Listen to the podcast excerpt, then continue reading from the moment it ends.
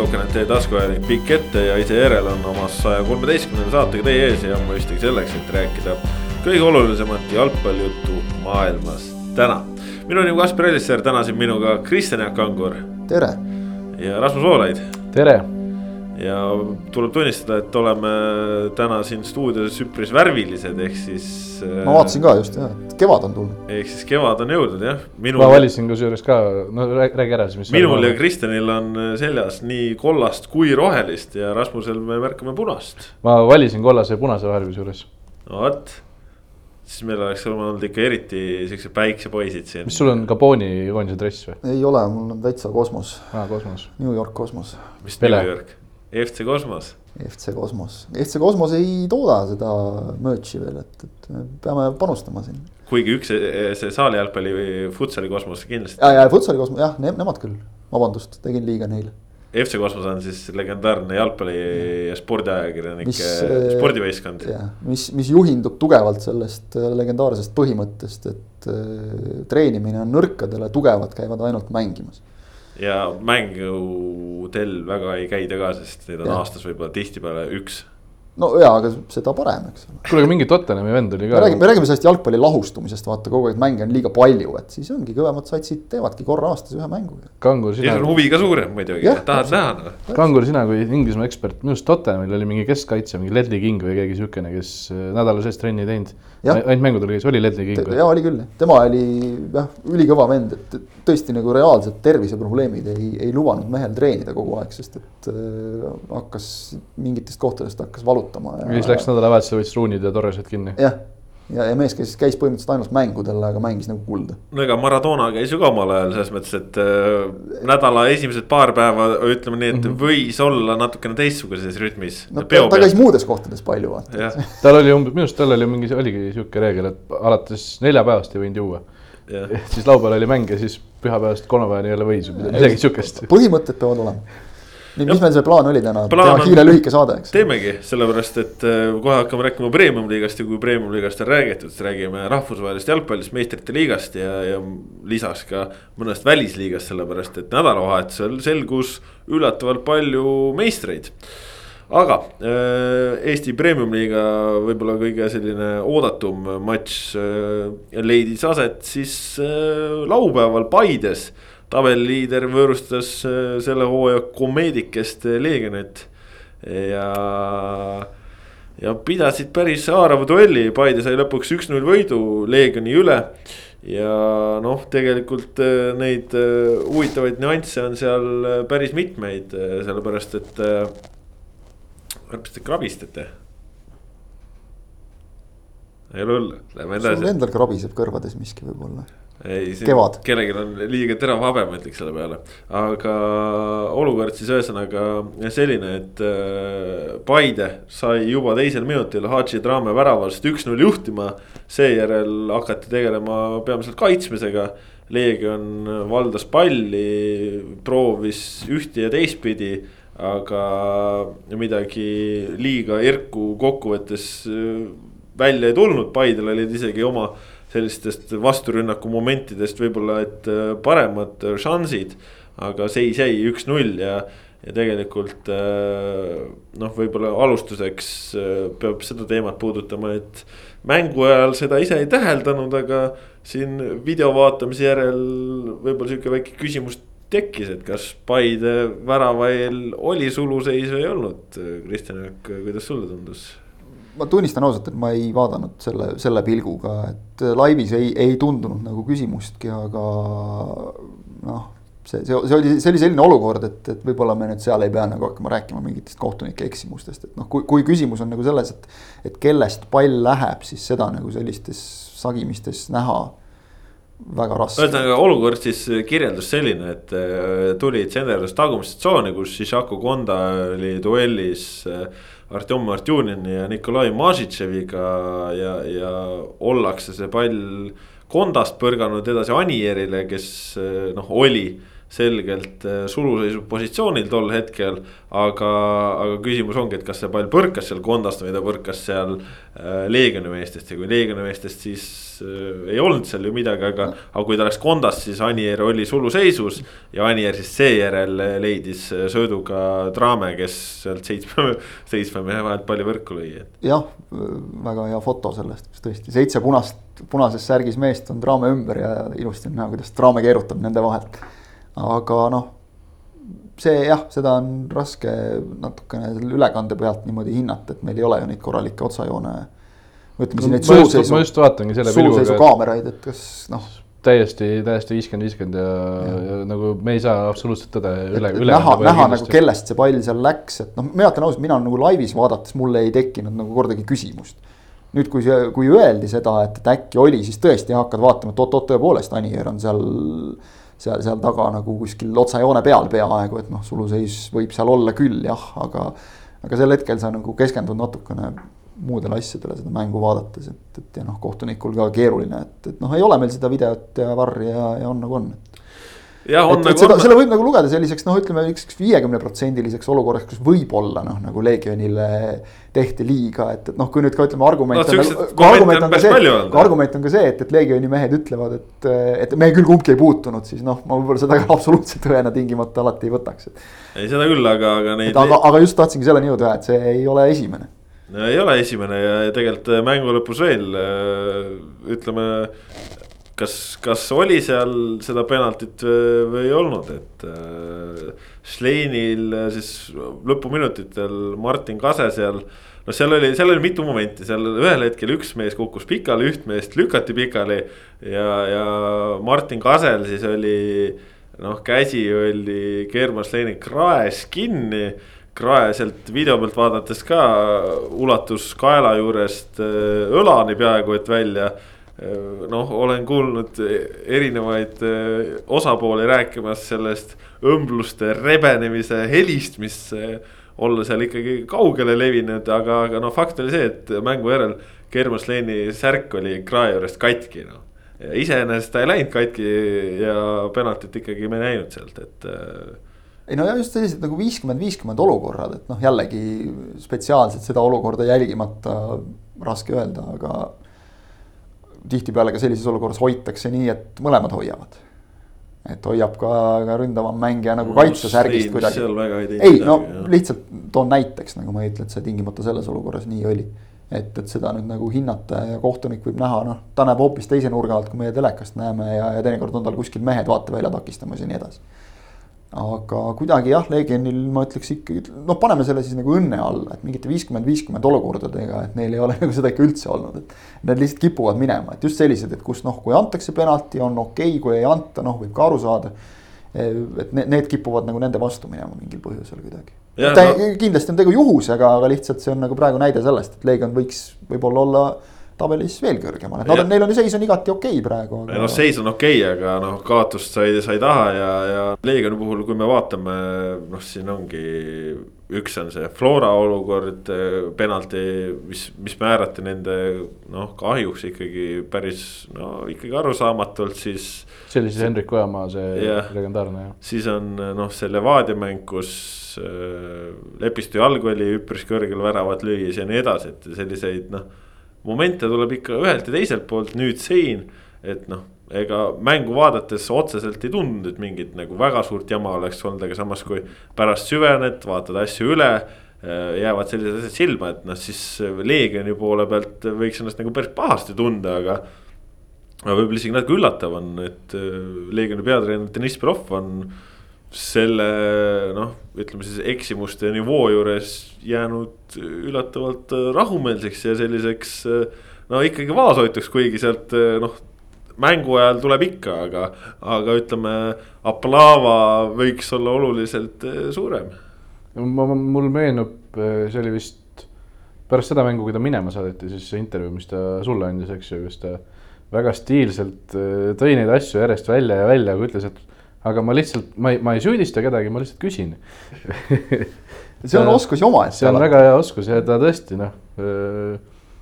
tegelikult ta ju Paide esimese mängu ajal ta läks ju täitsa raksu vist Slavaga või Slava ju, Slava Zahhoiko pärast mängu Va ikkagi. vast-, vastupidi, et tema ei läinud Slavaga raksu, vaid Slava läks Slava temaga, temaga raksu. siis midagi seal ikkagi on, Slava ju tõi selle välja ka ikkagi intervjuus, et. et no treenerite maine on nagu on ja võiks ju natukene heade asjadega ka silma jääda. Heitis ette Belovile, aga nagu mängujärgsete intekate põhjal ei saa tõesti Belovile äh, küll nagu kuskilt otsast midagi Ega kinni te- hakata. ega ta eile Paides või vabandust, üleeile Paides oli ju ka ikkagi aktiivne seal vahepeal äh, tuletas kohtunikele füüsikareeglid meelde ja. ja demonstratiivselt näitas ka, et selles mõttes ei, seal värvi on, aga, aga ma ütlen just ongi, et pärast mängu nagu. on need on- on... sõnavõtud on ikkagi nagu noh, ma paneks selle nagu sellise normaalse temperamendi ja emotsionaalsuse arvele ikkagi, et mängu ajal ka noh, on mõnda mängu kommenteerides ka meil vist kõigil õnnestunud talle üsnagi lähedal olla, vot mina olen küll märganud, et. et väga tihti on ka nii. ma hakkasin praegu mõtlema, ma vist ei ole teinud Leegionit see aasta. kui ka noh, nagu on see, kerib nagu üles emotsioon, siis üsna kiiresti Belov on ise tihti see, kes ütleb nii, mehed, rahu, keskendume mängule, ehk ta nagu tunnetab selle väga hästi ära, et mm, Mhm. -hmm. et kui sa sellele liiga palju rõhud, mida me tegelikult siin oleme mõnes teises noh mängus mõne teise klubi, mitmegi teise klubi puhul näinud, et, et noh, kui treener nagu läheb ka kaasa selle emotsionaalse õiendamise ja sõimamisega. et siis see hakkab mängijat ka mõjutama ühel hetkel, et hakatakse käsi laiutama iga kohtuniku otsuse peale, kohtunikuga õiendama, vastasega õiendama. energia läheb mujale ja, ja noh, muidugi ärme unustame ühte olulist asja siiski. Et äh, sellest hooajast võrreldes eelmisega, Belovil on võimalus ikkagi nagu selles valdkonnas ka äh, koormust jaotada oma abitreeneriga et, et kui, kui ikkagi Sergei Terehov on sul ka pundis, kes on samamoodi emotsionaalne ja noh, mõlemad mehed on, seda on nagu tegelikult, kui, kui see jääb nagu mõistlikesse piiridesse enamasti ta jääb. et siis on seda tegelikult selles mõttes äge vaadata, et mehed on ju hingega asja kallal mis, see ei ole ju mingi niisama jõuramine, vaid see on see, et tahetakse noh, oma meeskonnale parimat ja sul on selline tunne, et meile tehakse liiga, aga vot kui nüüd seda liiga tegemise tunnet noh üle võimendada. siis tekib meeskonna jaoks nagu vabandus selle. mingi, mingi välja, väljapääs või vabandus, et noh, et eh, no muidu, küll me muidu teeks, aga noh, kuradi kohtunikud ei lase Ja, jälle no- ja sellest minu meelest on suutnud Leegion sel hooajal hoiduda, et see on nagu viis pluss. ja Belov on jah, see ütleme, et mängu ajal ka, et kui ta ise on emotsionaalne, siis kasvõi Paides oli ju, oli ju hetk, kus äh, ka ühe otsuse peale hakati nõudma intensiivselt. No vist oligi see seesama, ma ei mäleta, kas penaltit või mingit kaarti, siis Maksim Kuusjev, kes oli välja vahetatud, viskas mm -hmm. oma pudeli enda nina ette silluti selle maha, aga sillutis on ju kivis, sealt põrkab plastmass edasi, põrkas väljaku peale. sai kollase kaardi kätte, siis hetk hiljem oli uus olukord, kus ahet, taheti hakata nõudma. Belov väga stiilselt kohe näitas meestele rahu, rahu, rahu, rahu. Nagu tõmbas asjad. äge on vaadata, et tihti on ka nii, et on see rahu, rahu ja siis kolmkümmend sekundit hiljem on järgmine olukord ja ta läheb ise uuesti põlema, aga et noh. see käib asja juurde, et. Kaspar see..., tuleta meelde, mis see Terehovi lause oli pärast seda, kui Kuussev kollase sai? Äh, ma mõtlesin selle peale, aga mul ei tulnud endal ka meelde. see oli kuidagi niimoodi. minu, minu meelest see mõte oli umbes selline, Et et, ta- et, aga, aga ta ju reageeris teie vale otsusele. ja just jah, just täpselt nii oli jah. et selles on ka mingi oma elegants teinekord natukene või. sellest me oleme ju rääkinud, et kui kohtunik jama teeb ja, ja mängija äh, saab siis õiendamise eest kaardi, siis see ongi nagu noh. millal sa siis veel ütled noh? noh, see ongi ebaõiglus, mis on sisse kodeeritud reeglitesse kahjuks. see ongi ebaõiglane. või õnneks. Või, või noh, ütleme Terehovi emotsionaalsed pöördumised siin ühes mängus mängu inspektori poole. kes, kellel ei jäänud muud üle kui õnnetult käsi laiutada, et mina ei saa tõesti mitte midagi teha selles olukorras. aga tahtis, et mänguinspektor sekkuks kohtuniku otsusesse? ei, ei tahtnud absoluutselt, ta lihtsalt esitas jällegi oma Ah. nagu nägemuse sellest, mis väljakul toimub, ta ei, ta ei nõudnud mitte midagi, ta ei läinud üle piiri, noh. ütleme, ongi üle piiri minekud on need, kui sa hakkad seal isegi oma mängijate suunas, noh, ükskõik mis, mis keeles nagu roppusi pilduma või, või läheb see tõesti nagu noh, üle võlli.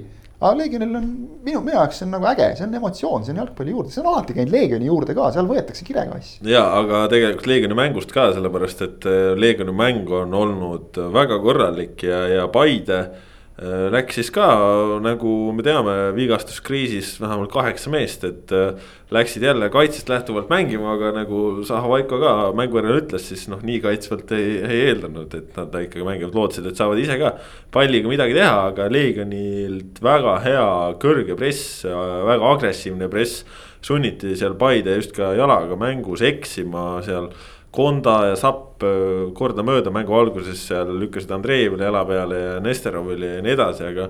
aga ei suutnud Leegion nagu kuidagi neid asju ära lüüa ja, ja noh, selles mõttes äh, oligi Paidel nagu mingi nurga alt raskus isegi jõudmisega vastase ründekolmandikule või noh, endas ründekolmandikule ja vastase kaitsekolmandikule, samas jällegi nagu kui momente vaadata lõpuks, siis seal noh, Anieri jättis kannaga ette ja igat muud moodi ette ja, ja, ja ei, ei läinud need pallid sisse, et Paidel nagu ju šansse iseenesest nagu tekkis, aga.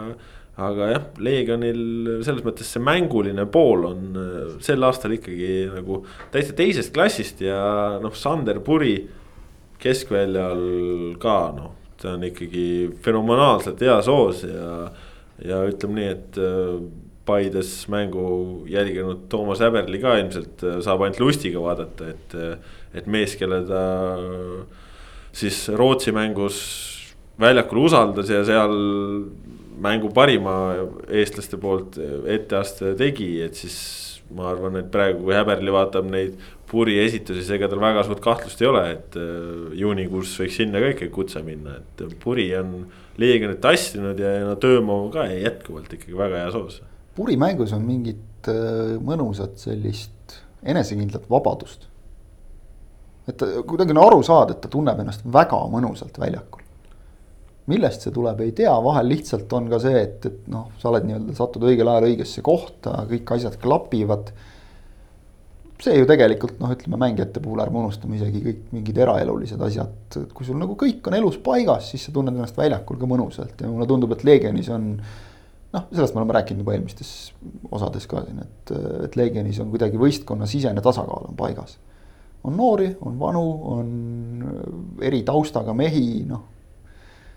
kõigil on, kõik tahavad mängida. ja, ja, ja nagu meeskonnamäng on ka selline, et noh, mõnuga mängitakse.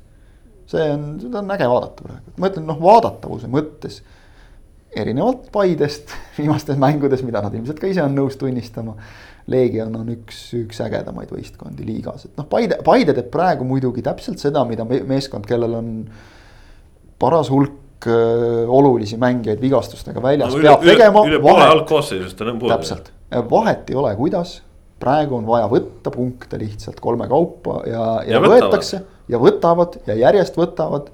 Löövad ära kas teisel minutil ja hoiavad seisu, löövad ära kümnendal üleminutil ja, ja võtavad kolm punkti jäävad vapruse vastu kaotusseisu, ei mängi esimesel poolel üleliia hästi, aga leiavad ikkagi Anieri üles, kes teeb ära. ehk et äh, ma ütleks, et see on sellise noh, kasutaks sõna nagu küpse meeskonna oskus. et, et seda, et mõne aasta tagune Paide oleks võib-olla isegi samade mängijatega, ma arvan, natuke rohkem krampi läinud. et see on nüüd see Paide loomulik areng, mis noh lõppes eelmisel aastal, eks ole, euro, medaliga eurosarja kohaga. noh, ma, ma olin natuke üllatunud, kui, kui hooajal räägiti, et, et Paide nüüd kullakonkurentsi küll ei sekku. et see oleks just nende jaoks samm edasi, praegu loomulikult mingitest medalitest on väga vara veel rääkida. siin Paidel on kohe väga kõvad äh, tuleproovid ees tulemas. no ja ma lähen ka homme, ma lähen homme Kuressaaresse ikkagi ja, tegema Kuressaare Paidet no.. ma peaksin kartma, et Kuressaare Paide läheb sinna ka parkima või? Kaks kaitsvast, kaitsest lähtuvat meeskonda vastamisi. et, et aga sealt edasi tulevad no, Levadia, Levadia ja Kalju kohe otsa, nii et, et noh. ei, tegelikult nalja naljaks muidugi on ikka tõsi. see, see saab olema noh, huvitav, et homme on nagu teistmoodi pinge selles suhtes, et. homme on vaja ära võtta. peab võitma. no sa rääkisid Anieri otsimisest, leidmisest, ega see oligi Paide probleem ka Leegioni vastu, et ega nad seda Anieri nüüd ülemäära palju ei leidnud, et küll Anier oleks tahtnud seal lüüa, aga kui noh, söödud temani ei jõua, siis jube raske seda teha, aga aga noh, Sahavaiko jällegi näitas julgust ka, et Siim Aer parem kaitsesse.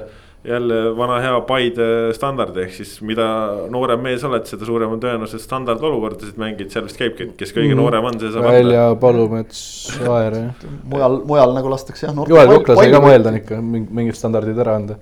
mujal, mujal nagu jah, noored tassivad pallikotti, aga seal on siis see, et, et siin annavad standardeid mm., aga kusjuures hästi annavad, ega midagi pole öelda Palumets on hästi andnud, Aer andis täitsa korralikult. välja oli ka täitsa okei okay, omal ajal.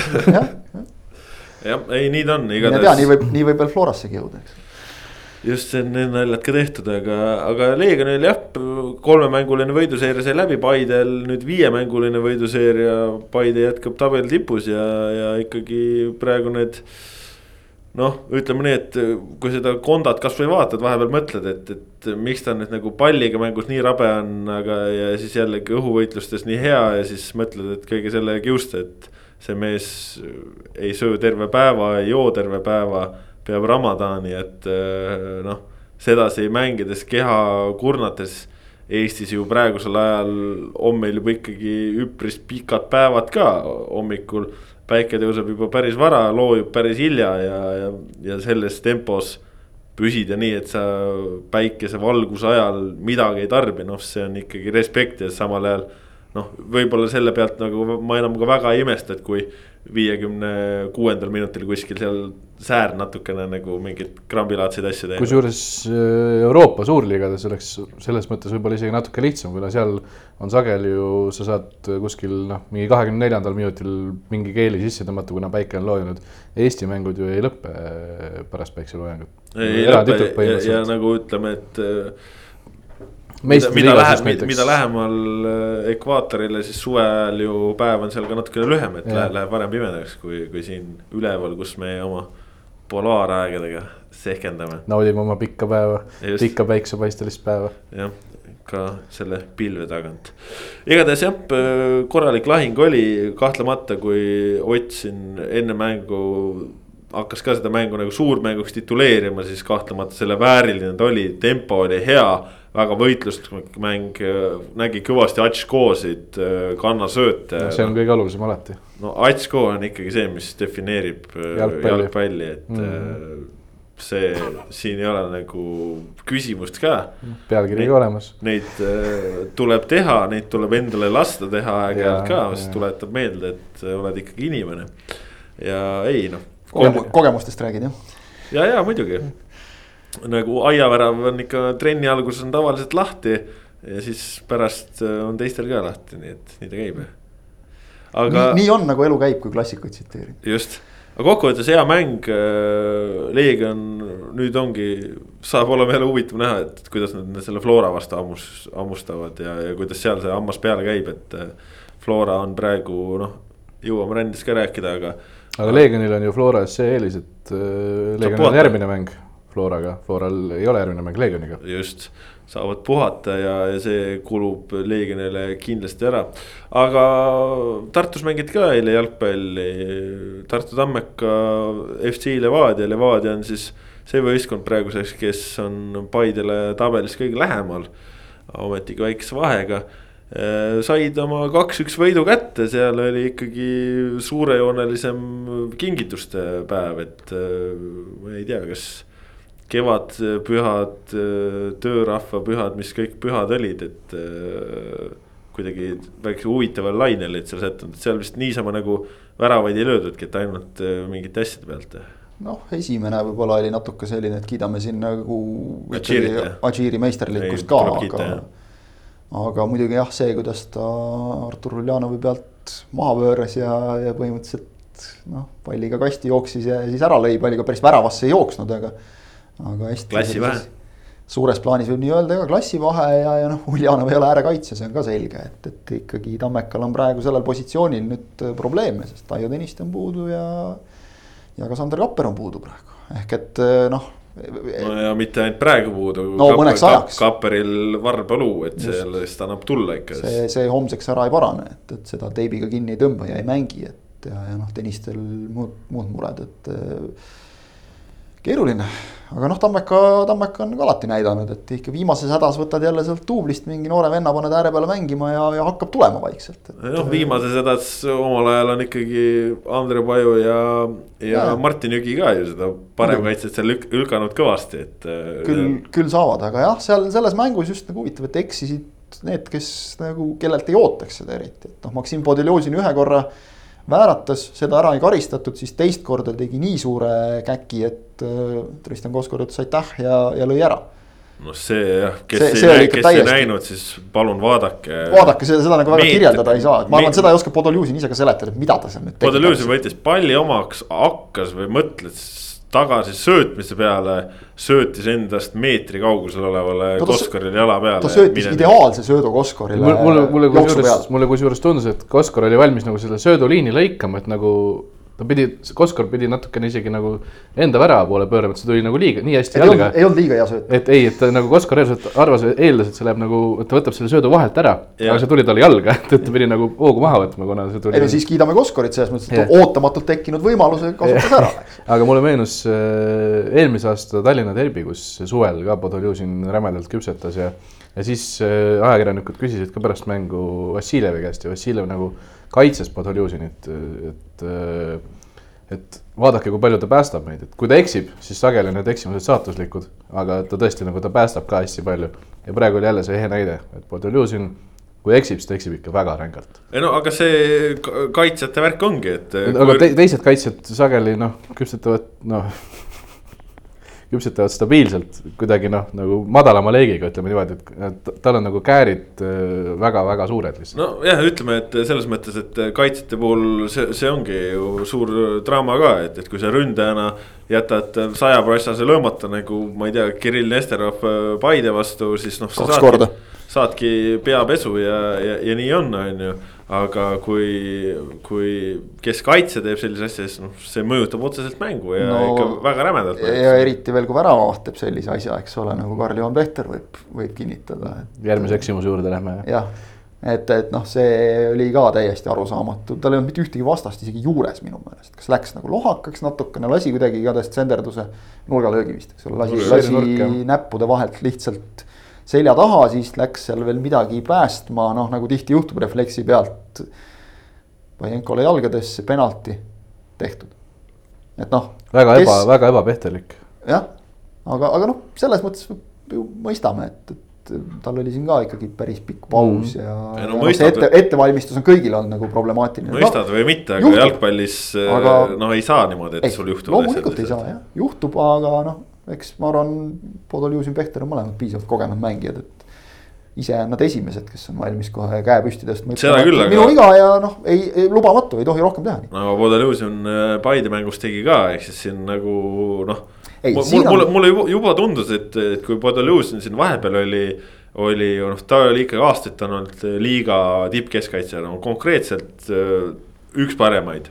ja nüüd siin viimastel hooaegadel on hakanud nagu see nivoo natukene langema, olen ise seda natukene võib-olla seostanud sellega, et tal oleks tegelikult olnud vaja ühel hetkel teha järgmine samm, uus väljakutse kuskil välismaal, midagi kõrgemat. seda ei tulnud, jäi Levadiasse, kõik okei okay,, aga see oligi ühel hetkel nagu tekkis mingisugune mandumine siis mulle just nüüd sel hooajal tundus et äh, see uus konkurents, mis Levadias on, et äh, noh, tegelikult ju Anton äh, Dolordava samamoodi ootab oma võimalust. et, et sellises olukorras, et okei okay,, et Podeljusin on kuidagi ennast nagu kokku võtnud või et on nagu paremaks muutunud uuesti jälle, et nagu halvad päevad on selja taga. ja siis ta teeb nüüd järjest selliseid asju, et äh, see on nagu, ma ei tea, et mis toimub, on ju, et äh, noh, vähemalt on Levadial mehi võtta siin. nojah, aga iseenesest, et kas see on jälle ka nagu treeneri jaoks ka, et, et kui sul mängija eksib. noh, siis ongi kaks koolkonda, et kas sa lööd ta kohe välja ja, ja õpetad teda sedasi, mis on selline karm slaavi koolkond. või siis sa mõtled sellega, et kui sa võtad ta kohe välja, siis see hakkab teda veel rohkem vaimselt kummitama ja siis on no, tõenäoliselt ta ei pruugi sellest üle saada. see kehtib hästi siis, kui mängija eksib ühe korra. kui ta eksib sul nagu järjest mitmes Tõsi on, mängus jah, ja, ja on, ta jah. täpselt, ta on sul kaitse või väravavaht, kelle eksimused maksavad sulle väravaid. noh, siis mingil hetkel tuleb see otsus teha, aga no no, Mikkel õnneks, Mikkel Kurutsaga eelmisel hooajal on ju. täpselt. et, et eks, eks seda peab, noh, seda näeb ju nagu treener paremini iga trennides ja igapäevaselt, et äh, kui, kuidas nagu mängija laseb sellele asjale endale pähe pugeda ja, ja no mängijad on erinevad, me teame, et mõni tahab, eks ole, sellist õlale patsutamist, teine tahab, et tema peale käratatakse, siis ta hakkab paremini mängima, samamoodi on siin ka, et, et mõnele mõjub see, kui sa usaldad, ta ütleb, ohoh, treener usub minusse, väga hea. närv läheb maha, on edaspidi kindel, teisel on just see, et, et öö, lööb krambi sisse ja, ja kui sa võib-olla korraks pingile võtad, siis ta saab nagu lahti sellest krambist, teeb nii-öelda uue, uue alguse, eks ole, kui, kui jälle sisse paned ja, ja noh, ega noh, Podoljuzinit nüüd pikaks ajaks ju põhimõtteliselt Kurtšaga kombel vaevalt nüüd välja ei, ei, seda kindlasti mitte, seda kindlasti mitte. siin hakkab natukene juba mängima isegi see, et eh, noh, see Levadia välismängijate hulk ETM on päris hea asi, mida omada Levadias praegu. pigem, pigem on jah. aga samas, kui me sellest ETM-ist räägime, siis äh, Strahhin ja Kristevski, kes talvel näitas, et suutis ikka päris igasugustest olukordadest nüüd palju võrku saada, siis praegu nagu ei saa ja. ja eile ka mängu järel Vladimir Vassiljev ütleb, et noh, võimalus oli nii, et oleks võinud neli-üks võita, aga võidavad ikka kaks-üks ja. ja teine on penaltivärav ja Levadia on saanud sel hooajal kõige rohkem penaltid, viis tükki Äh, Sakarja Belešvili on kõik sisse löönud, teistest äh, klubidest kõige rohkem on teenitud kaks, ehk siis noh. penaltid ikkagi sajab Levadia kasuks ja, ja see neid praegu aitab. aga, aga noh, rünnakul ikkagi see realiseerimine nagu väiksed murekohad tekitab, et, et nagu no,. võtame jälle nii, et, et kui sul nagu esiründaja ei löö, aga siiski suudad võita, et siis noh kõige hullem ka ei ole. seda küll, aga, aga, aga noh, võib, võib-olla ühel hetkel on sihuke, et no ma ei tea, et Anne Sänier võib-olla vääriks rohkem kui viisteist minutit vahetust. see on ka Chelsea sama asi ei, kindlasti jah, hakkab neid, neid momente tekkima, aga noh, me ei pea, me, me, me ei pea õnneks neid korraldusi jagama, et, et me saame pärast targutada, et kes tegi õigesti, kes tegi valesti. ei, seda küll, seda küll, noh lihtsalt ühel hetkel noh, praegu võtad, võtad need võidud on ju, aga ühel hetkel ei pruugi võtta, et. ei no ja sama asi nagu Paidel, et noh, kui nüüd ütleme jah. ei, ei saa näiteks kolme punkti kokku siis kahest mängust Kalju ja, ja Levadiaga. kohe on küsimused suuremad. kujutame ette, kaotad mõlemad, siis on kohe. ei no siis läheb tabel huvitavaks lihtsalt, ega muud ei olegi, praegu siis Kalju ja, Kalju ja Paide vahel ju tabelis kümme punkti, aga Kalju on ikkagi ka nüüd jäid oma esiründajast ilma, aga, aga said väravad kätte. Rasmus, räägi nüüd sina ka, see on üks mäng, mida sa oled näinud. Äh, ei olnudki Põlva ja Viljandi vahel sel, selle mängu ajal. selle mängu ajal ma olin Viljandis kohal juba jah. Äh, see oli hästi veider jalgpall. mõnes mõttes nagu Kalju alustas jube hästi. nagu Kalju näitas alguses, et tõesti et äkki ongi need probleemid on minevikus. Kaupo Kruusmäe seal natukene näitas ebakindlust värava suul üles, värav, küll tõsi, ei olnud tema süü, aga peaaegu oleks endale. esimene siis. jah, jah, jah, esimene, see Marini värav alguses, peaaegu oleks endale kuidagi rusikatega selja taha tõrjunud, see oli päris kummaline. aga, aga siis tulevik sai nagu mängu sisse, siis läks nagu selliseks, ma ei tea, siukseks hoovi jalgpalliks ära hästi-hästi palju eksimusi mõlemalt poolt, sihukest musti puuteid, valesööte. noh, järsku enam nagu väga palju asju välja ei tulnud väljaku peal võistkondadel ja siis teise poole lõpus nagu. kui Kalju oli kaks-null eduseisus, siis tundus, et mäng on tehtud, kumbki enam nagu ei, üks ei suutnud, teine nagu ei osanud väga. tähendab, üks ei, üks ei pidanud, teine nagu väga ei osanud enam ja siis, siis tulevik tõi pinge tagasi. kaks minutit hiljem Hommutav lõi, ei siis lõi, jah, ikka viimasel lõi Hommutav lõpetas uuesti ära selle mängu. et üks asi, mida ma tahaks esile tuua, on küll Vladislav Homutov. ta on mänginud sel hooajal vast mingi tund aega jalgpalli umbes. tal on vist kirjas juba kolm väravat ja üks sööt või, ei kaks väravat ja üks sööt. ebareaalselt äh, resultatiivselt on ta alustanud seda hooaega, kuigi mees on vigastusest paranenud, mitu kuud järjest väljas olnud. kaks väravat, üks sööt on tal kirjas jah. neljakümne kaheksa minutiga noh, see võib olla ka üks äh, lahendus Kalju muredele, et, et noh, Volkovi õlatrauma õnneks vist liiga tõsine ei ole, aga ikkagi mingiks ajaks ta kõrvale jätab ja ta Alex Mõttes Tamm ka nüüd ikkagi näitab, et äkki tuleb sealt või? ei noh, Tamm on. Tamm on väga okei okay,. Tamm on kolm väravat löönud sel hooajal juba, see on ikkagi väga, väga soliidne number ja ma, ma just.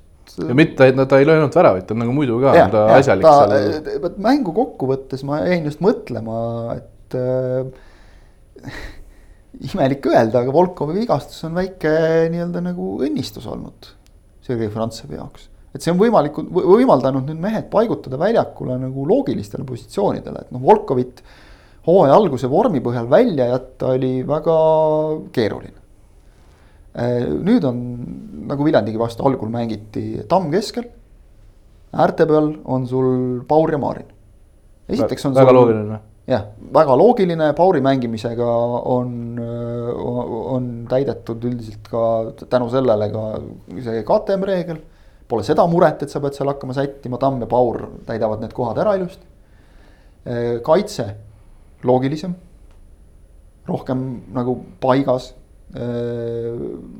Markovitš noh, on keskel olnud hea, no äärekaitse on ikkagi tema koht, mulle tundub et no Markovitš, Kulinitš nagu niimoodi, nagu nad on mänginud, see, see on, tundub nagu äärekaitsjate koha pealt Kalju hetke parim valik. et jah, me siin arutasime mingis saates nagu eduri kohta, et noh, see aitaks selle KTM-iga nagu mängida. praegu ei oleks seda vaja, Veremejev selgelt ei vedanud välja hooaja alguses, seda võib julgelt öelda.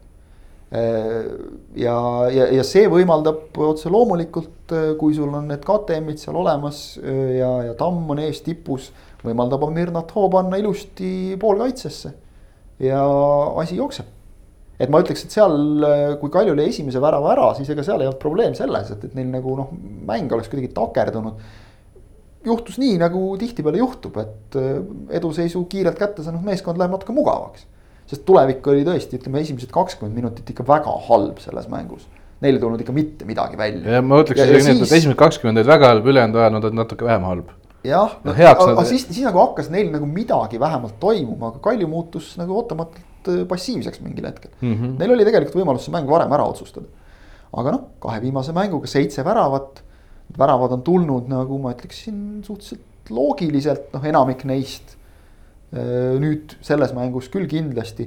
Homutovi tood vahetusest sisse, ta on kogenud mängumees suhteliselt, hoolimata sellest, et ta tegelikult ei ole üldse vana mees. Ta miskipärast jätab mulje nagu. tegemist on kahekümne kahe aastase jalgpalluriga. see, see, see kipub nagu meelest minema, ma aeg-ajalt nagu ise ka jälle Näiteks... üllatan, et ta on kahekümne kahe aastane mängija, et tegelikult ta mõjub nagu oluliselt kogenuma mängijana, et järelikult tal noh, nagu me teame, jalgpallurite perekonnast põhitõed on ilmselt paigas. ta on kolm aastat noorem kui Kaspar Paur näiteks. jah, noh eks ole, ja Pauri me nagu võtame ka kui veel nagu noort mängijat Eestis ikkagi mm..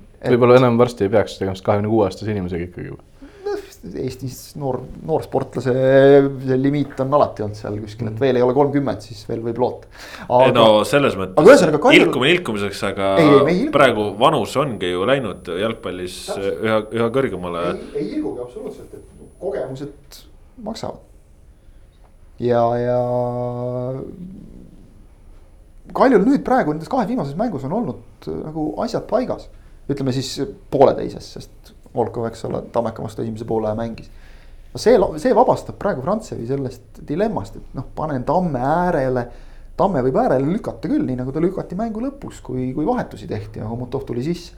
aga, aga et sa saad Tammega alustada, Tamm tipus, Tamm tunneb ennast selgelt seal oluliselt mugavamalt. see on tema koht, seal ta teeb teeb ja võitleb keskkaitsjatega ja talle, mulle nagu vähemalt tundub nagu kõrvalt, et noh, ta on nüüd ka terve. Talle meel-, meeldib nagu, ta mängib mõnuga, talle meeldib teha seda musta tööd ja, ja noh, ta on piisavalt kiire, tugev. et ta, tal on nagu eeldused, et olla vähemalt premiumiga tasemel nagu väga tipp-topp jalgpallur, et. et, et praegu see, see Kalju mäng jookseb ja, ja üleüldine suhtumine ka, mida väljendas Pavel Marin pärast mängu antud intervjuus, kui oli oli Viljandit ohtralt eelmise aasta eest kiitnud ja tänanud, siis ütles ka, et ise kaevasime selle augu, et noh, meie mängisime halvasti. keegi teine selles süüdi ei ole. Ja keegi meile siin auku redelit ei ulata, ise peame sealt august välja ronima. ja kui sa küsisid ka, et kui kaugel olete, siis, siis ta ütles, et noh, poole peal. tööd on veel teha, selline antud olukorras üliõige suhtumine. Rasmus, kui suures augus see tulevik eh, praegu on, sest nüüd on nad mänginud iseenesest äh, nagu sellist korralikku jalgpalli. Floralt röövisid punkte, on kuskilt midagi muud ka saanud, aga, aga samas jällegi nagu käib kuidagi nagu üles-alla ja, ja ikkagi jäädakse tühjade vihkudega.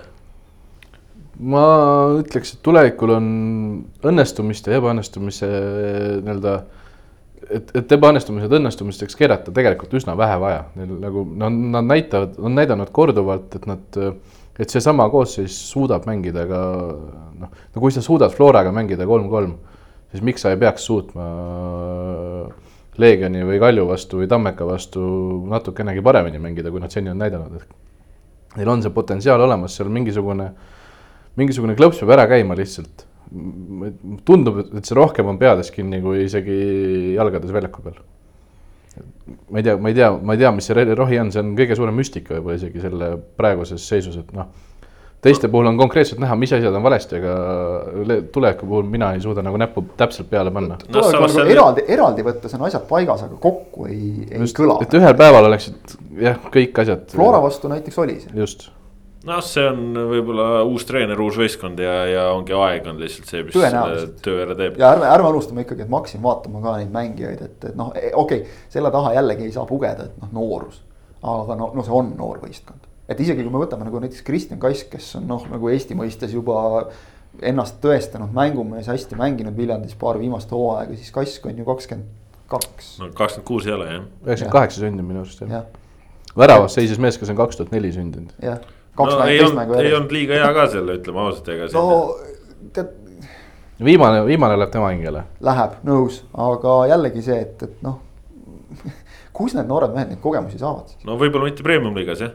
no olude sunnil praegu saavad seal no,. aga seda, seda me rääkisime eel juba, et, et tuleviku tõesti ainukene selline nagu selgelt mürkkoht on väravavahtide osakond, kus Martin Ritson on teinud häid mänge, nüüd ta on kaks korda vigastusega eemal olnud. on ka Ritsonil tulnud kehvemaid mänge sisse, et noh, see. Ritsonil vedas, äh, vedamine on väga halb sõna selle kohta, aga ta tegi enda kalad ikkagi pigem hallis ära. et kui liiga pihta hakkas, siis Ritson on, on iseenesest väga-väga okei okay olnud ja no ta tegelikult me ootasime teda juba ju Kalju vastu tagasi, ehk ma arvan, et ja. kui Ritson on tagasi, siis võiks minna paremaks. trennides ta kuuldavasti juba, juba osaleb, nii et noh, ilmselt nad Viljandis on üldiselt olnud see põhimõte, et mees ravitakse terveks ja, ja siis saab väljakule, mitte poole pealt ei lükata nagu igaks juhuks, et ma, ma usun, et kui oleks nagu tohutult võib-olla vaja olnud, siis äkki oleks mänginud, aga noh.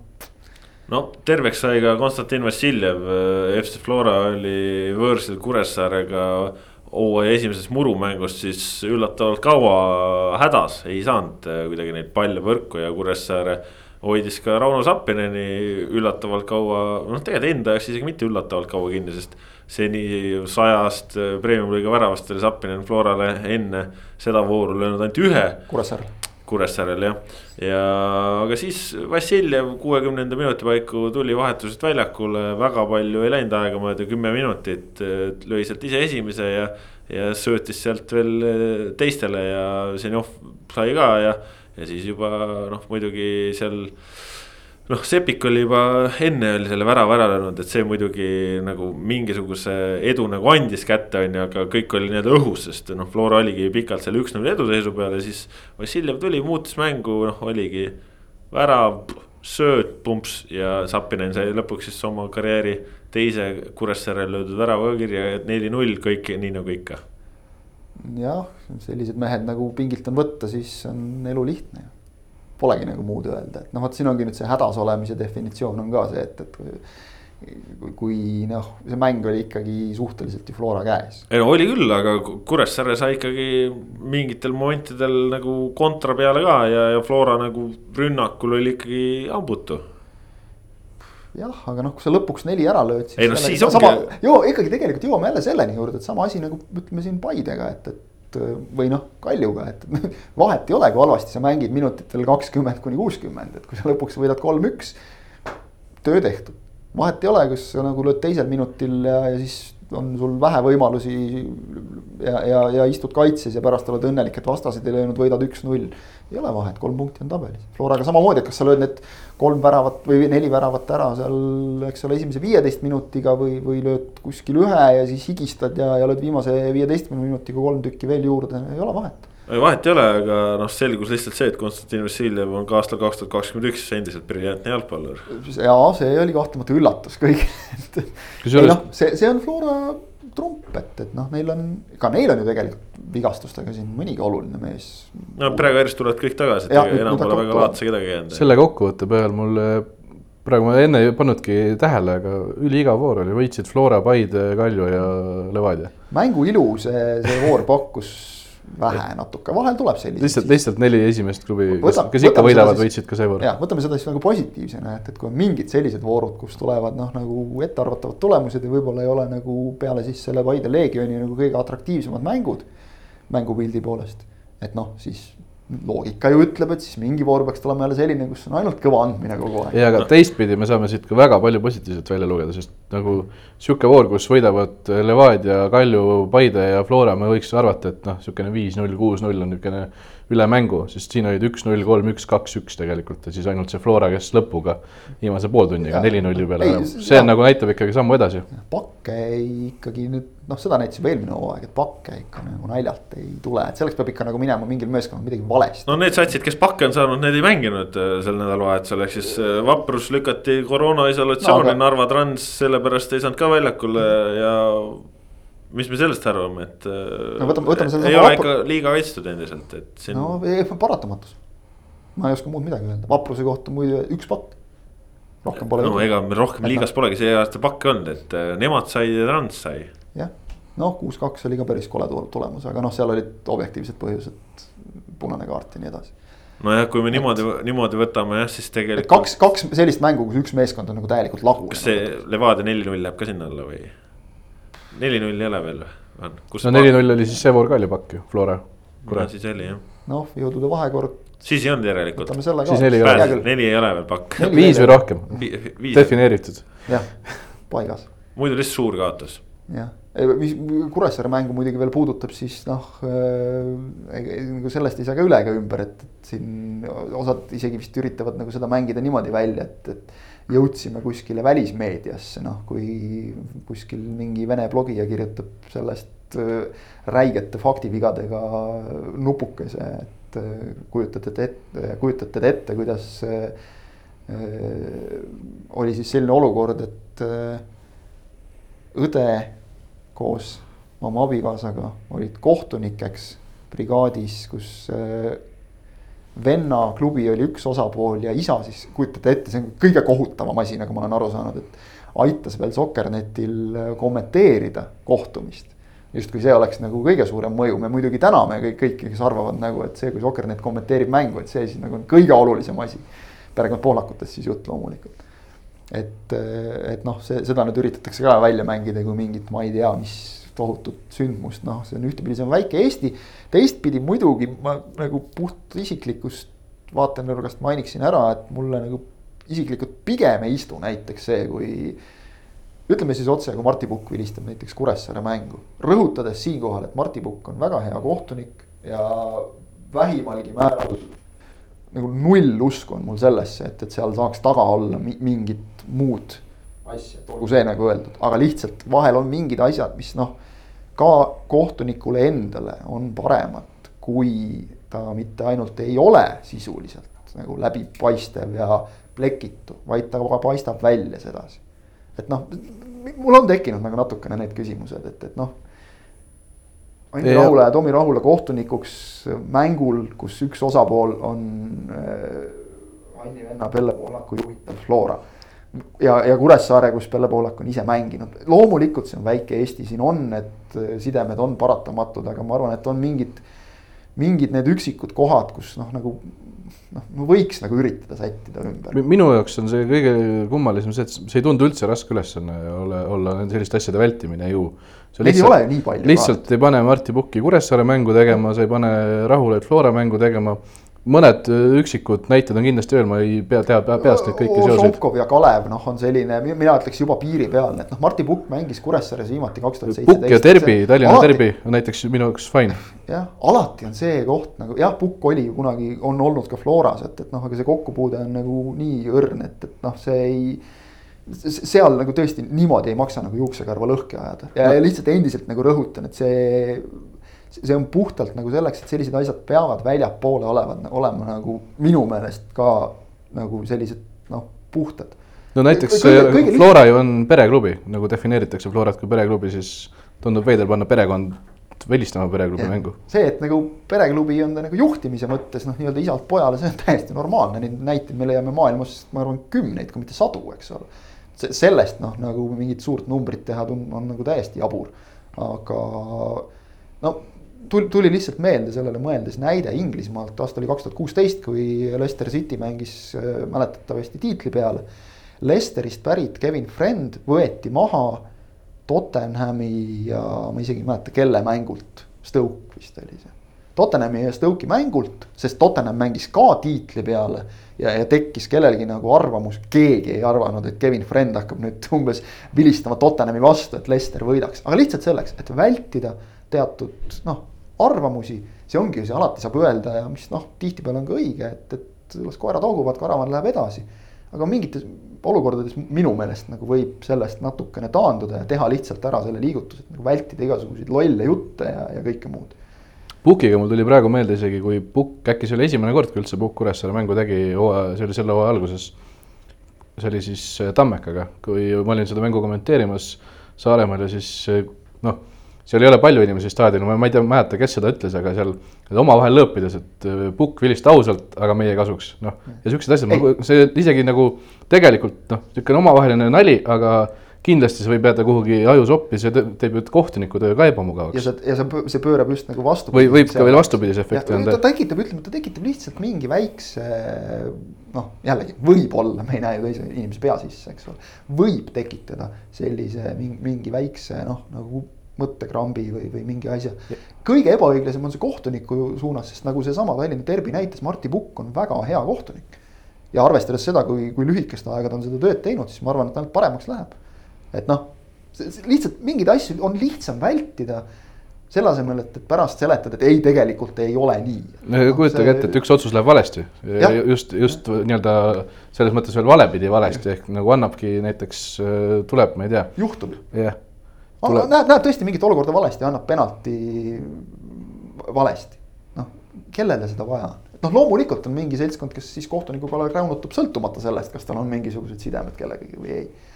aga et noh, lihtsalt kui see teema nagu üles kerkis ja mingi, mingi vähemalt mingi ringkonna jaoks tundub nagu olevat tohutult oluline, siis siis noh, tõesti jah, see nagu see nüüd ka, see on mingi eestlaste kiiks ka see, et, et vaata välismaal kirjutatakse meist. et, et tõesti, kui üks mingi vene blogija väidab seda, et, et, et Erik Paartalu ei saanud kunagi Eesti koondisesse, sellepärast et ta ei olnud nõus eesti keelt ära õppima, kuigi ta oli juba passi saanud ja ja kodakondsuseksami teinud, noh siis see nagu paneb kogu ülejäänud siukse arvamusnupukese ka kerge, kerge küsimärgi alla, et ega kõike, mis nagu välismaa keeles loete, ei maksa ka tõe pähe võtta. nii on, lihtsalt selline kõrvalekaldu. nii on, aga vältimatutest asjadest rääkides, siis äh, vaprusisolatsioonis Kadrioru staadion varajalt, varakult remondis, tõotab nagu ikkagi korralik surve taas premium-liiga kalendri peale, et äh, tuleme toime sellega, Rasmus või? no ma ei tea, mis TNTK-d hakkame kõvasti külastama no. sel aastal. See ei ole nagu väga ideaalne premium-liiga see, see vist on juba niikuinii tegelikult, enne No isegi mängu- koos Kadrioruga oleks see olnud. no paariks, paariks mänguks umbes jah. aga nüüd vist vähe tõsisem no,. ei tea, veel pole, täna arutatakse. No no mis variandid veel on Mida sa, arutad? kolime Sakku või meil ei ole ju Muru staadion. Tallinnas, mis, mis, mis variandid Tallinnas veel mängida on? kõndisin eile mööda kodulähedasest Männiku staadionist, noh, see muru tundus seal, teades muidugi, kuidas Männikul nagu suudetakse muruväljak ette valmistada, siis pole kahtlustki, et saab korralik. aga praeguses seisus tundus ta ikka nagu mängukõlbulikust murust päris kaugel veel. Pluss noh, seal see Männiku väljak, ma ei tea, kas ta premium-liiga nõuetele üldse vastab või ei vasta, eks ole, et seal on natuke probleeme. seal on. probleeme ja, ja noh, kui sa Kadrioru võtad nüüd nagu augustikuuni välja sellest valemist. siis noh, okei okay,, Sportlandil saab lükata. no aga kas sa tahad lükata kunsti peal täpselt, keset ma just suve? ütlengi, et nii palju kui tuju on, kes see tahab mängida seal, eks ole, noh, on siinsamas kõrval. Kalev ju saab valmis ju, ei või? kunst ikkagi jälle noh, ei, see suur katel. suur, sellest. Elisa TV-s juba näitas pilti. ja, ja ma tean, sa oled jah, see torn, tornkraana kaamera. Otseülekande andnud. ma teen reklaami praegu Elisa TV-le täiesti häbematult, neil on reaalselt selline asi telekavas sees nagu kolm tundi tornkraana pilti Kalevi staadionile. Nad lihtsalt on kraana otsas on kaamera ja siis nad filmivad Kalevi staadionit kolm tundi saab vaadata seda. unustage see Kamina kanal ja Kaku kaamerad, et see on uus trend.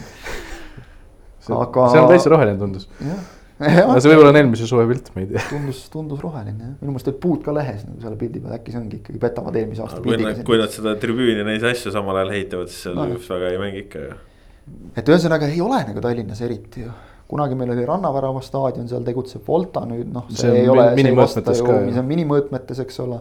et, et noh, need kõik on nagu kuidagi ja noh, jumal tänatud, et Volta tegutseb, sest muidu see oleks ilmselt mingisugune karjamaa seal nagu ta vahepeal oli.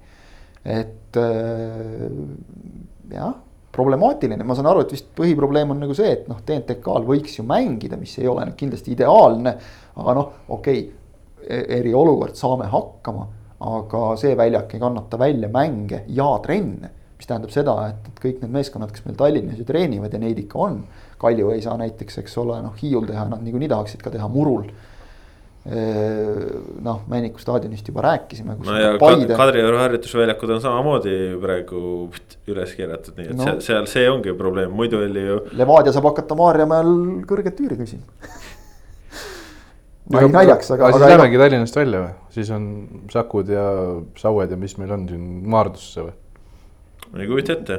Maardu muru väljakule. see ei nagu Ei, no- ei, Maardus kusjuures on selles mõttes. no ufo parandust tegid ju. Maardus, Maardus töö käib, oli just täna vaatasin, oli, oli video pandud, et traktor oli peal ja, ja, ja, ja, ja hoolitseti väga tublisti, et, et see on tore, aga noh, tõesti. Tallinna klubid ei hakka ju Maardusse trenni käima. no mis viga meil siin käiakse kaugemaltki Tallinnas trennis. Ega kui sa lähed äh, näiteks äh, Nõmmelt äh, Lasnamäele trenni, siis tühja sa juba Maardusse sõita. ei no siis jah, lähed Nõmmelt juba mööda ringteed ja siis sa oled kiiremini ilmselt kui tipptunni ajal aga noh, no väljakutseid on,, väljakutseid jagub, ütleme jah, et kindlasti mitte mugavaid ja, ja infrastruktuuri ja kõigega muuga seotud ka, et ütleme, et kui premium-liiga viia ka TNTK-le, noh, see on ju harjutusväljak, et seal ei ole ju mingit. kolmandat satsi ei ole kokki. ka ei mahuta ära ju või no ei kujuta ette, ma, ei ma, sul tulevad need ette noh. muruhoolduse mehed tulevad siin hangude ja kõlbastega kallale. loodame pärast, pärast staadionit minema saan veel siit kui sa tuled selle jutuga, et, et äh, jah. et me jah, enne peame vaatama, et me koju saame ja siis Kaspar paneb saate üles. eile küll harjutusväljakule, siis naiste meistriliiga ja meeste meistriliiga ka. no Lilleküla harjutusväljakul, seal kaks väljakut, et äkki samaaegselt. aa, saab, saab kaks korda kell üks, noh. paned ke- keskele paned äh, See on- tellingud püsti, siis kaamera keerab ühe telli, tellingu pealt nagu vastassuundades. See on see, nagu me oleme viis harjunud- minutit filmi ühele poole, viis minutit. me oleme harjunud vaatama meistrite liigat ju kahte mängu korraga, siis saab pealtvaataja saab korraga olla staadionil ja vaadata kahte mängu korraga. see on ju nagu kõva järgmine, oled, oled nagu. seal laivis vajutad seda punast nuppu, mis on BBC-l ja kus sa saad vaadata seda, mida sa ise tahad. see läheb muidugi praegu juba siin äh, rõvedaks andmiseks, nii et äh, ühesõnaga segadust on palju ja ega see Kadrioru staadioni uudis tuleb ikka väga halval ajal, sellepärast et just oli saanud see premium-liiga kalender ka mingisuguse kindluse, nüüd on vaprus koroonas, Statka puudu, kahe, kaks satsi siis pidid oma koduväljakust ilma jääma, nii et äh, ei tea, mis seal välja mõeldakse, igatahes segadust on palju. aga räägime nüüd äh, saate lõpetuseks natuke rahvusvahelisest jalgpallist, meistrite liiga poolfinaalid äh, sel nädalal saavad oma lõpu nüüd teisipäeval. BSG ja Manchester City mängivad, BSG läheb võõrsile üks-kaks kaotusseisus, seejuures on täiesti uskumatu, kuidas nad suutsid sellise esimese poole järel selle mängu kaotada. Aga suutsid ja seal ikkagi ka no vigastuste osas ka natuke mingisuguseid murekohtasid on, aga kas nüüd siis Guardiola ei mõtlegi enam üle, et ta on kuidagi nagu pea tugevaks saanud või, või siis nüüd, kui, et võõrsilt on kaks-üks eduseis käes, et siis kodumänguks keevitab mingisuguse uina-muina sinna. kusjuures ma eile sõbraga arutades, ta küsis mult lihtsalt, ta käis, külastas statistikaportaali Five Thirty Eight. ja siis ta küsis mult, et mis sa arvad, kui suur tõenäosus on, et Liverpool tõuseb hooaja lõpus esinelikusse. No pakkusin seal mingi kakskümmend maksimum, oli kolmkümmend protsenti ja siis ta küsis tõenäosust, et BSG läheb meistrite liiga finaali ja selle tõenäosus oli viis protsenti.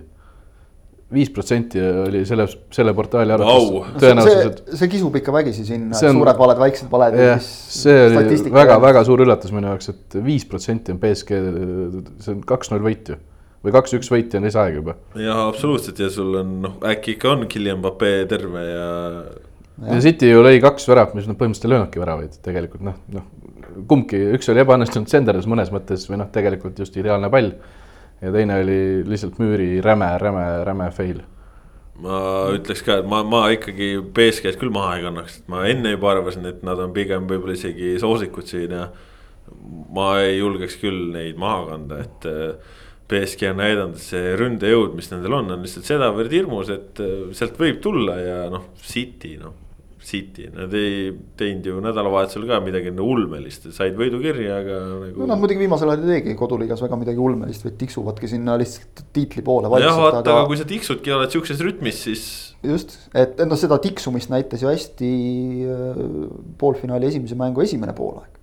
et noh, seal tõ- tõesti nagu sa ütlesid, et on, on ime, et sellise avapoolaja pealt BSG suutis mängu ära anda. Kas see on nüüd jälle see, millest me rääkisime siin premium-liiga näitel, et muutud natukene nagu lohakaks, mugavaks, mine võta kinni.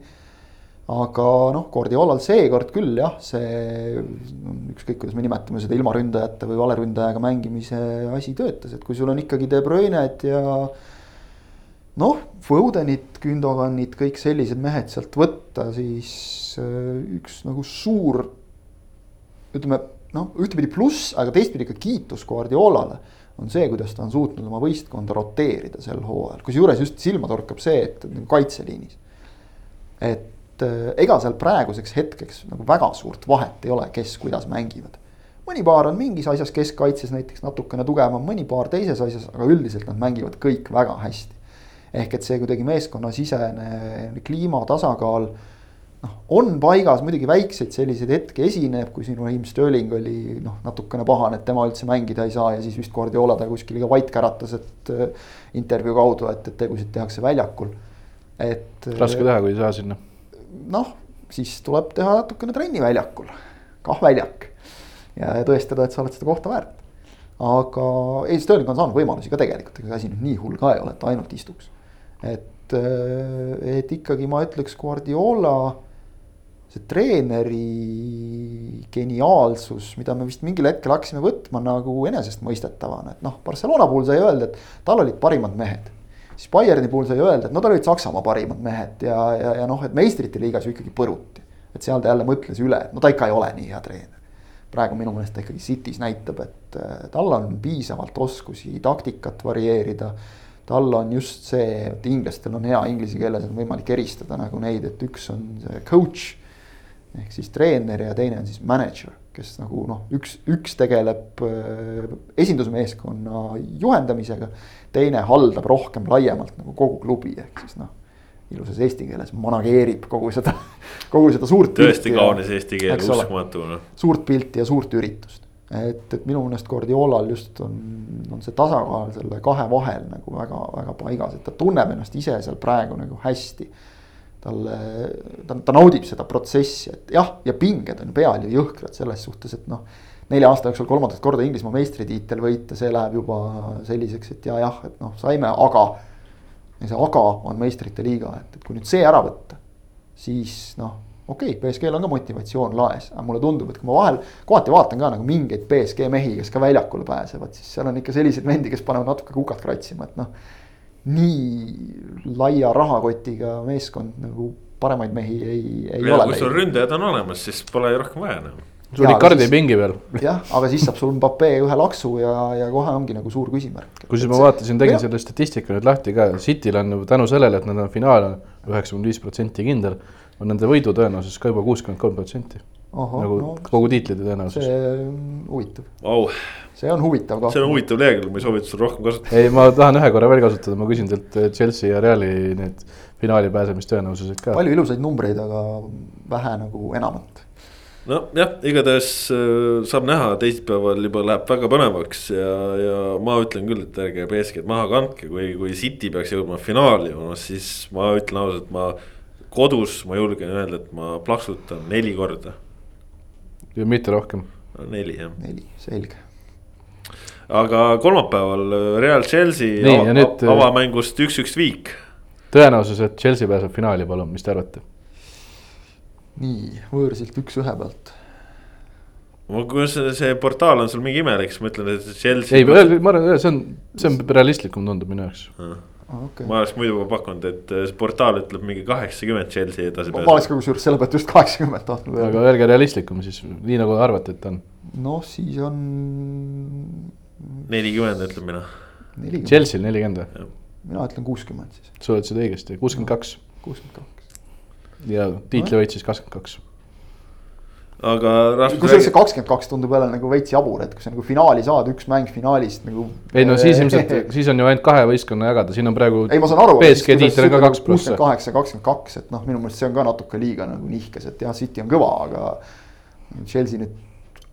kui seal on, kui seal on City ja Chelsea finaal, siis ma arvan, et äh, Chelsea koefitsient või see tõenäosus tõuseb ka kui on ainult kaks võistkonda alles, siis no. Rasmus, räägi parem sellest, kuidas see esimene mäng üks-üks jäi, et Chelsea ikkagi mängis eriti esimesel poolel sellist jalgpalli, et see ei tundu tõenäoline, et see mäng üks-üks jäi. jah, seal Strahina Krastevski oli rünnakul ei, noh, ei taha narrida, no mõnes mõttes see Werneri tampimine on ka natukene kurb, naljakas, aga, aga tõesti, no kurat, selle oleks pidanud ära lööma selle oleks. ma ei tea, vot, vot see, konkreetne see üks, see olukord seal, seal nagu ma tean. Teil on palju neid olukordi. et siin ma konkreetselt sellest ühest olukorrast rääkides, et ma tean, et siin nagu progressiivsemad äh, jalgpallikommentaatorid olid nagu väga kindlal seisukohal, et, äh, et, äh, et ikkagi jah, Werner muutus Kristevskiks ja, ja, ja munas ära selle olukorra.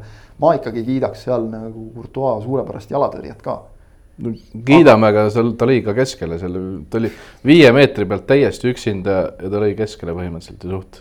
samas teistpidi pane olukord, äh, palju on Realile löödud väravaid viimasest, ma ei tea, viiest mängust sul on? mul, mul on five thirty eight lahti, aga mul sihuke asi lahti ei ole no liigas oli ju kolm korda null-null, eks ole, nüüd viimane kord võitsid kaks-null. siis ongi see ainus värav, eks ole, viiest. nii või, sellele viitad? No viimases viies mängus Real kaks-null Osasuna, siis üks-üks Chelsea, null-null Betis, kolm-null Cadiz. viimasest kuuest isegi on ainus värav on see Chelsea. no vot, et võib-olla ei ole väga lihtne siis lüüa ikkagi. no selles olukorras oli ja nüüd me teadsime, et Wernerit noh, nagu igas olukorras tampida on nagu ka mõttetu, et tuletame meelde, et Timo Werner on Chelsea's esimene mees pärast Eden Hazardi, kes debüüthooajal on teinud kahekohalise arvu väravaid ja sööte. aga väravaid? kümme ja kümme ei, ega väravaid ainult. Timo Wernerilt palju väravaid on sellel aastal? üle mingi üksteist on vähemalt. mingi üksteist peaks olema kõigi sarjade peale kokku, et jah, liigast on olnud natukene õnnetu, aga. ei, tal väravaid on täiesti okeilt, ta pole lihtsalt tükk aega neid löönud, aga alguses. häda on lihtsalt selles, et jaa, alg-, ta alustas ju hästi, häda on lihtsalt selles, et, et kui ta nagu paneb noh, ikkagi ühe sellise olukorra mängus kus ütleme nii, et noh, lihtsam on lüüa sisse, sellega ma olen nõus, et noh, Courtois jõudis ette, aga jah, okei okay,, Werner lõi ka nagu mm., saanuks lüüa paremini kui sul on üks selline võimalus nagu mängus, igas mängus peaaegu, kus sa noh, nagu ära munad. ega ta lõi ju näiteks eelmises mängus, liigamängus West Hami vastu üks-nulli, mis tõi Chelsea'le võidu. pärast mängu hakati jälle jaurama, et vaata, kus oli see olukord, kus ta jälle ei pannud ära. ja oligi selline olukord, et see, et ta värava ära lõi, see nagu unustatakse täiesti, et see on, see käib tal praegu kaasas. ma tegin nüüd lahti siis sellega, ta lõi eelmine aasta Leipzigist neljakümne viie mänguga kõikide sarjade peale kolmkümmend neli. tal nüüd on Chelsea's nelikümmend kuus mängu, väravaid üksteist noh, viiekümne, viiskümmend pluss miljonit, ma, ma, ma nagu ma tahan, et see kriitika on ka ikkagi omal kohal. kriitika on ka ikkagi omal kohal. lasin praegu, ei, ei muidugi on omal kohal, aga lihtsalt see, et, et noh, nagu igas, iga olukorra järel nagu tampida Wernerit kui viimast kaigast, et noh, see pole ka päris õige. kuulge, aga kui Werner väravaid lööb, siis kuidas Chelsea üldse edasi peaks minema? teised mehed löövad. Kai Havertz või? Mount. Havertz, Mount, Pulisic äh,. seal ikka on Jorginho lööb oma hüppega penalteid ja. enam ei löö vist hüppega. millalgi ta loobus sellest, kui ta paar tükki oli ära munanud. aga Chelsea puhul oli hea analüüs, see nõuaks vähe pikemat aega, aga hästi lihtsustatult. tegelikult, kui me räägime Wernerist ja üldse nagu Chelsea ründajatest et siis esimesel poolajal see töötas, siis teisel poolajal Real suutis selle asja ära lõpetada ja, ja, ja noh, mängu enda kätte paremini saada aga esimesel poolajal oli ju pidevalt see, et me avastasime kogu aeg mingi Chelsea mehe jälle kuskilt Reali liini tagant. ründajad vajuvad allapoole, tõmbavad vähemalt ühe keskkaitse, eriti kippus seda Eder Militao tegema, kellel oli Werneri valvamine kohustuseks ja see on loogiline. Werner kusjuures nagu mänguliselt teda tänu temale tekib ka palju teistele võimalusi, see on, see on kahtlemata tõsi. miks ta on endiselt väljakul, siis selle tõttu ta ongi väljakul, seda äh, Tuhhel hindab ehk et ta, ta teeb seda nähtamatuks jäävat tööd, ründajad vajuvad eh, tekib ruumi poolkaitsjatel, tekib ruumi äärekaitsjatel, see on nagu Tuhheli mänguplaanist üks väga selge öö, eh, osa. ja see, ja see, aga noh, oligi häda oligi selles, et seda kasutati esimesel poolel edukalt, aga siis teiseks poolajaks nagu nii-öelda plaan B-d enam ei olnud. no mõnevõrra loogiline ka, et jäädi kaitsma oma võõrsil väravat, tegelikult ju saadi sellega hakkama, üks-ühe pealt koju minna ei ole halb no et, mina, mina, äh, mina ütlesingi enne nelikümmend prossa selle pealt, et äh, kui sa sellise mänguga äh, suudad anda Real Madridile üks-üks viigi.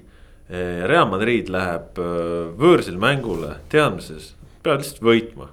või võitma või viigi, väravatega viigistama. ja see on Toni Kroos, Luka Modric, Casemiro, Karim Benzema, need mehed teavad seda seal on selline kogemus, nad on nii palju võitnud puhtalt kogemuse pealt äh, ütleme, et kõik loogikad ütlevad, et Chelsea võiks olla favoriit. aga Real ei saa lihtsalt sellepärast maha kanda, et nad, nad on praegu muidugi väravate löömisega jube hädas, ründemäng on no, ikka väga kummis. aga lihtsalt kogu selle tausta pealt eh, ei saa maha kanda. no viimati, viimane liigamäng nüüd siin nädalavahetusel, kust kust ikkagi ka jälle kolm punkti võeti, et selles mõttes tabel on, on La Ligas ülipõnev, et kui Sevilla võidab täna õhtul Atletic Bilbao'd, siis on nad jälle seal kolme punkti sees vist. et äh, esimesed neli, et noh, väga äge, aga, kuidas tulid Reali väravad, seal oli vist pealelöök oli, pealelöök oli üle kahekümne, raami saadi vist kuus tükki. vähe jah. ja, ja, ja lõpuks järelikult ikkagi nurgalöök. alustas, ma ei ole seda mängu näinud, aga järelikult Vinicius alustas, kui oli palju pealelööki ja vähe raami. alustas. no ja, ja, ta ja väga väravad, ta, ta väga, väga löögile ei saanud. ja väravad ikkagi, eks ole, nurgalöögist keskkaitse peaga ja siis noh, Casemiro jalast, oih, põrkas pall see sisse oli väga kõva, see oli kõva, mees tähistas, mees tähistas muidugi väga stiilselt, tähistas täpselt nii, et ah, nii oligi mõeldud. vaadake seda väravat profid aga löövad nii. kolmapäeval mäng, Ramos on tagasi või? no treenib praegu, treenib praegu ja, ja loodetakse, et saab tagasi, aga. kas ta alustaks ka või? no ütleme, et Ramos selle mentaliteediga, mis temal on, ütleme, et see. seda otsustab Ramos, ma arvan, kas ta alustab. see kuluks ära, on ju, aga noh, samas selge on see, et kui sa ole pikalt mänginud, sa võid olla mingi vibraga, aga noh. Militao ei ole halb poiss ka seal olnud vahepeal. ei ole olnud halb poiss, aga kui sul on ikkagi mees, kes on löönud nii palju neid hiliseid väravaid, otsustanud mänge finaalides, poolfinaalides. tood vahetusest sisse, paneb ära, lihtne ju ühesõnaga saab. sa ei vaheta seitsmekümne kolmandale keskkaitset, et väravat tahta endale. kui vaja on, siis vahetada. vaja on siis vahetada jah. Pole ju küsimust, üks, mis, milles võib, ma arvan, üsna kindel olla, on see, et äh, suurt skoori ei näe selles mängus no,. lihtsalt see, et kui sa rääkisid see... Reali, sellest, et Realile ei lööda, siis palju Chelsea'le lüüakse, et siin Sam Allardyce käib käte peal, kui kui Tuhhel on ju siin kellega ta on mänginud. samas ma mänginud... ütleks, et võib, võib just näha, kuna siin iga värav on ju muudab asju, ütleme, Real läheb juhtima, siis on Chelsea'l vaja, siis Chelsea vastab, siis on uuesti Realil vaja. sealt see suur skoor võibki ju kerkida lõpuks. nojah, kui me siin nagu räägime, et mõlemad on kaitses kõvad ja rünnakul saamatud, et noh, siis. Jah, ei. tõenäoliselt no, nagu selle kasuks ei räägi jälle. nojah, aga esimese mängu kõige tõenäolisem skoor oli ka null-null ja kõike nägime üks-ühte. no ja Tuhhel on siin, eks ole, mütsi pähe tõmmanud ja kes siin on saanud tema käest. kõik on saanud, vahet pole. kõik on saanud. Ancelotti, kõik, eks ole, Zidane, Zidane oli esimene, kes. Sulšil ka, ma loodan juba. Zidane oli esimene, kes ei, ei saanud. kaotanud. Tuhheli, et saavutus seegi. vot, aga jah, igatahes põnev meistrite liiga tulemas ja tegelikult. kui väravaid tahate, siis vaadake Euroopa liigat. selge no ära hakka nüüd. sul on mingi mure sellega, et seal teised Inglismaa klubid tegusid teevad. vaevab see sind nüüd hakkame Euroopa liiga peale enda saate, saate aega. ei hakka, ei hakka raiskama. lihtsalt, lihtsalt vaatamissoovituse, vaadake Arsenali Villarreali mängu, see kindlasti igav ei ole. Teine mäng, see juba tõenäoliselt on. aga äh, siia saate lõppu ikkagi me pikalt sellest ei räägi, aga, aga õnne, õnnesoovide rubriik. ja, sest noh, Eestis ikkagi on neid, kes on Ajaxi fännid, on neid, kes on Interi fännid.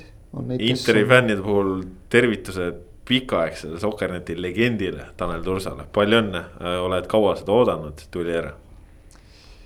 mina tervitaks pealikku, väga lihtne selline, ühele ka jalgpalli, jalgpallifännile tervitus, mees ootas kaua seda, et Inter võidaks meistrite liiga, jõudis ära oodata. nüüd jõudis ära oodata jälle ka selle, et liigatiitel tuleks, ma kujutan ette nagu ka, et kui. Rasmus, Rasmus teab hästi selles mõttes, et kui, kui magusalt need maitsevad, kui aastakümneid ei ole saanud, eks ole, liigatiitlit, aga. sul on varsti sama asi.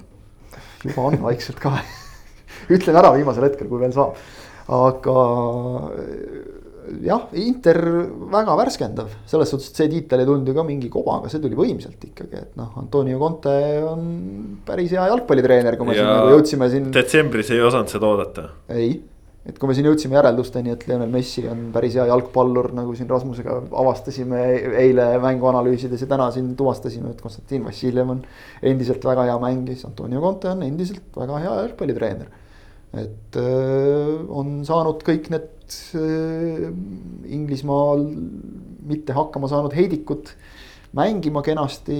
noh, kõiki mitte ju no.. üks sihuke Kristjan Erikssoni. isegi tema on nagu vist viimasel ajal natukene olnud täitsa okei okay,, et, et päris mitte ei ole seal kuskil, kus ta seal vahepeal veetis oma päevi. staadioni garaažis kusagil, parkimismajas aga, aga see on võimas jah, kuidas on, kuidas on mindud ja, ja noh, kõik teised on koperdanud. ja no Juventus oleks üldse surnud, kui oleks Cristiano Ronaldo't ja, ja see on see... ebareaalne, et selle juures Ronaldo saab mingit heiti nii-öelda, et. jah, täpselt. löönud, ma ei. Siin, siin just üks äh, jalgpallisõber küsis, et millal see Ronaldo üldse viimati värava lõi ja siis selgus, et just mingi paar-kolm mängu tagasi et see ei pane nagu tähele. kaks tükki liiga suurim väravkütt ja et äh, Euroopas on temast rohkem löönud ainult äh, Levanovski, et Messi on ka neid vähem löönud sel hooajal. jah, et palun, noh halb. vananev ja kehvas vormis Ronaldo, kes enam ei jõuagi meeskonda üksinda vedada kõikide tiitliteni, et nõrk. Aga värskendav, et noh, me ju kõik nagu oleme seda lootnud, et noh, Bayerni kukutamine nüüd ikkagi ei lähe õnneks, aga aga, aga Juventusest saadi lahti selles suhtes, et. Ja ei ole, ei Prantsusmaa- ole nüüd Juventuse BSG-st saavad ka lahti, ma arvan. Prantsusmaal Lill on ka ikka väga lähedal, väga vähem puudub. Lill on väga tubli ja, ja siin, siinkohal ütleme, et Burak Ilmas on ka väga kõva jalgpallur. Ja Venemaal ka siis jällegi. ja Venemaal noh, seal on Juba väga seal on Artem Zuba on väga kõva jalgpallur. see on kõva mees. mees, kes ütleme niimoodi, et äh, eraeluliste aktiviteetide osas. kõva toimetaja on. käitub jah, käitub nagu. käitub just nimelt? Deadpool, siis läks ka Deadpooli kostüümis äh, ikkagi meistrimedalit vastu võtma, kõva. Ja, ja noh, see muidugi, mismoodi see. käitub ja kõva. see on sinu probleem ausalt tõesti, et sa näed igas sõnas mingisugust. ei, ma ei näe lihtsalt juba. kuule, tõmbame nüüd siin joone alla, muidu pärast saavad jälle Gruusia vara siin meie sõnakasutuse kallal norida. Nad norisid meie sõnakasutuse kallal või? no näed, juba, juba puurivad, tahavad ukse tagant sisse. see oli jaatav vastus vist. see oli jah, jaatav vastus, ühesõnaga, et juba, et eh, eh, seniidi puhul muidugi see oli võimas, et eh, kui su. Aitab küll. varsti tuleb, tullakse läbi seina sul juba. ühesõnaga, et kui sa, kui sa ikka kuus-üks vajutad otsustavas mängus ainsale konkurendile, siis sa oled tiitlit väärt, jääme selle juurde vot sellised olid jalgpallijutud täna premium-liigat jagub nädala keskel ja jagub nädalavahetusse, loodetavasti ei tule rohkem koroonajamasid juurde, eks näis, kas vaprust sel nädalal väljakul näeme või mitte. ei tundu see liiga tõenäoline, aga aeg näitab ja esiliiga naaseb ka, nii et sel nädalal siis ka sellised jalgpallimatšid tulemas, loodame. Soccernetis, mis meil oli, seitse otseülekannet seitse otsaga on. ma soovitan Elva Velko, ma arvan, see on kindlalt mäng, mida vaadata, ilma, ilma irooniata, ilma irooniata. jah, ei tea. ma tean, see on sa tead, selge. see on, tuleb kõva mäng. aa, ei õige, see jah, seal on kommentaator, kommentaator on hea seal, seal sa võib vaadata küll. esiliigat vaadake. jah, see sai läinud, eks ole, sinna. mina ei näinud jah, jah. siis, siis, siis võib vaadata vot, igatahes jalgpalli põnevat peaks jaguma, järgmisel nädalal teame juba, kes on meistrite liiga finaalis, võib-olla on selgunud veel mõned äh, meistrid, sellepärast et äh, Cityl jäi küll nüüd Unitedi ja Liverpooli fännide märatsemise tõttu tiitel hetkel veel võtmata, aga veel jõuavad ja. Manchester ja... Unitedi suurim saavutus on see, et City sai, City sai šampat külma tagasi panna. Selle nädalavahetusel. sinna oleme jõudnud siis. Ja What? keegi, keegi sai telekaameral objektiivi ka sisse lüüa, et selle eest ka muidugi ja kõvad mehed. Vot, igatahes, millised on jalgpallijutud uuel nädalal, kuulame siis, seniks püsige terved, olge tublid, nautige kevadet, kõike head, tänast saateid teenib Kaspar Elits, Rasmus Voolaid, Kristjan Jaak Kangur, adjöö